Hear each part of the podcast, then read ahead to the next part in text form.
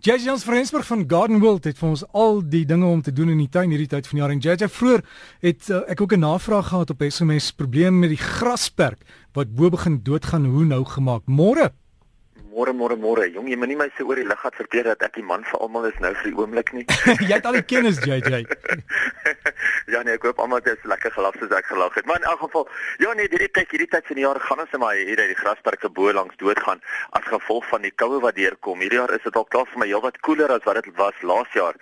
Ek weet nie of almal daarmee sal saamstem nie, maar ek dink die winterkoue of die die herfs het eintlik hierdie jaar weer genormaliseer dat ons 'n lekker koue winter gaan hê en ek hoop dit gaan maar so wees want ek dink dit is tyd dat ons weer 'n bietjie meer ons ons tuine laat rus hierdie winter en dit is dis my nogal heel belangrik dat ons plante wat moet rus ook weer moet rus. So ja, as jou grasperk van bo af begin doodgaan, kan dit maar net die koue wees die die, die eerste raai wat deurkom wat hom wel vang.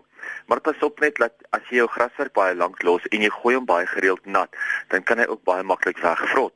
So maak seker dat jy dat dit nie is dat hy wegvrot nie, maak ook seker dat dit nie is dat hy lank geword het dat 'n grasnoor hom doodsny nie. En dan maak net seker kyk maar net dalk is dit die koue. Onthou as jy 'n pragtige graswerk wil hê gedurende die winter, moet jy hom elke oggend vinnig net afspoel net om my ryp af te spoel. Uh ons doen dit gewoonlik tussen sê uh 6 en 8 in die oggend voordat die son hom regtig te warm maak voordat hy hom. So soos dit later word in die in die winter doen ons dit later in die oggend meer na 8 uur se kant toe. Op die oomblik is dit so 6 uur al 7 se kant wanneer die son opkom.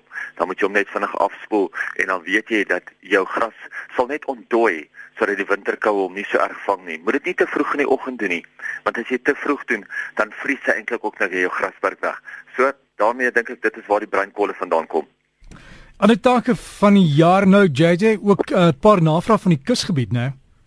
Dis reg, ja nee, Derek. Kyk, ek moet eerlik mee wees, dit's baie moeilik om op die oomblik oor die kusgebied te praat as gevolg van die waterbeperkings wat nog steeds daaronder in die Kaap en in meeste van die Weskaap en streke voorkom. So wat ek sal sê is gaan kyk asseblief na wat op die oomblik in jou kwekery beskikbaar is onder die waterwys gedeelte.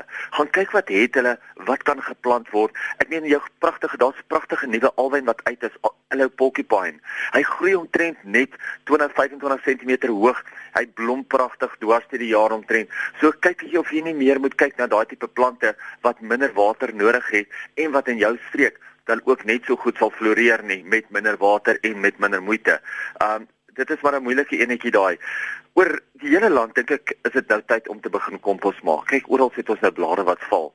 En ek dink dit is nou die regte tyd om daai blare op te tel en kompos te maak. Natuurlik as jy mens blare in die bedding het wat daar kan dien as 'n deklaag, los jy hom daarso, want hy hy gaan vir jou baie meer beteken as 'n deklaag in die tuin as wat hy vir jou op jou komposhoop gaan gaan beteken.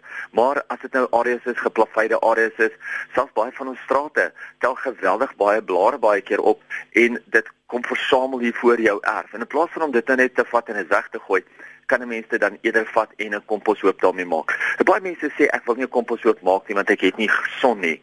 Is, jy het eintlik nie son nodig vir 'n komposhoop nie. Hy moet eintlik in die skaduwee staan. Hy moet sy eie hitte kan genereer baie mense sê weer ek het nie baie groot area nie en jy het ook weer nie 'n groot area nodig nie. 'n uh, 'n kleinerige area van omtrent 2 meter by 2 meter is oral genoeg vir 'n lekker groot komposhoop. Dan lok kompos ook ons baie rotte. Nee, tensy jy baie kosse en bene en daad van goed op die komposhoop gaan gooi wat eintlik nie goed is vir die kompos nie, gaan jy ook nie rotte lok nie. So wat doen 'n mens? Jy vat al daai blare wat jy kry. Onthou hoe grower die blare is, hoe beter, want jou kompos moet lekker baie deurligting ook hê. So jy gooi daai blare basies op 'n hoop, jy kry vir jou 'n bietjie landbou kalk, jy gooi dit daarbo-oor en dan kry jy ook vir jou kompos aktiveerder en jy gooi dit daarmee saam. Onthou wat wat ons moet onthou is dat ons moet die kompos gereeld kan deurlig.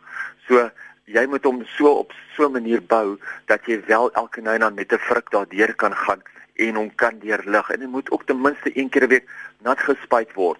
So al gaan jy nou dan vat jy daai blare, jou ehm um, komposaktiveerder en jou landboukalk, gooi 'n klein bietjie grond bo-oor hom of wat ook al net om hom te seël vir daai week en dan volgende week doen jy nou weer dieselfde en dan bou jy hom so bou jy hom hoër en hoër. Maar onthou elke keer as jy bygooi, probeer om hom eers om te werk sodat hy lekker kan deurlig word.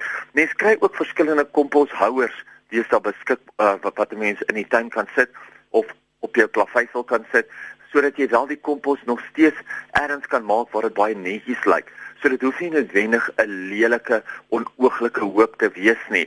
As jy nie daai spasie het nie, kry miskien vir van daai komposhouers, maar onthou, deurligting is baie belangrik. Water is baie belangrik en gebruik jou kompos. Dis die lekkerste manier om jou grond ryk te kry en om uh, dit op 'n goedkoop manier te doen. Onthou, as jy 'n mooi tuin wil hê, moet jy lekker baie kompos in die tuin hê en dan kan jy dit sommer uit jou eie tuin uitmaak, van jou eie laar maak.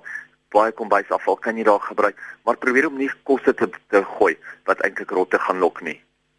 En die hitte JJ op die kompos? Ja, kyk die hitte word dan deur die bakterie in die kompos mm -hmm. self gegenereer.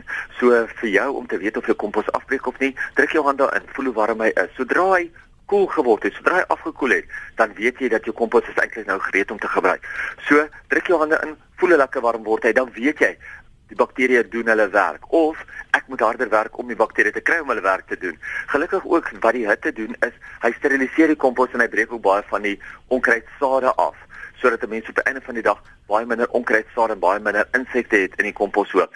So hy moet lekker warm word en dan sodra hy begin afkoel, dan kan jy hom dan kan jy hom gebruik. As iemand jou wil e-pos, jy is nog steeds hier hier by gardenworld.co.za.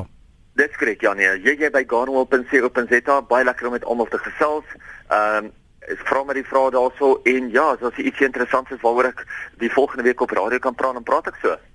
Alles van die beste JJ Jansen van Rensburg en dit was ons tuinpraatjie. Daai epos is hier hier by Garden World. Ben sien op en sê dan sterkte met die tuin maak.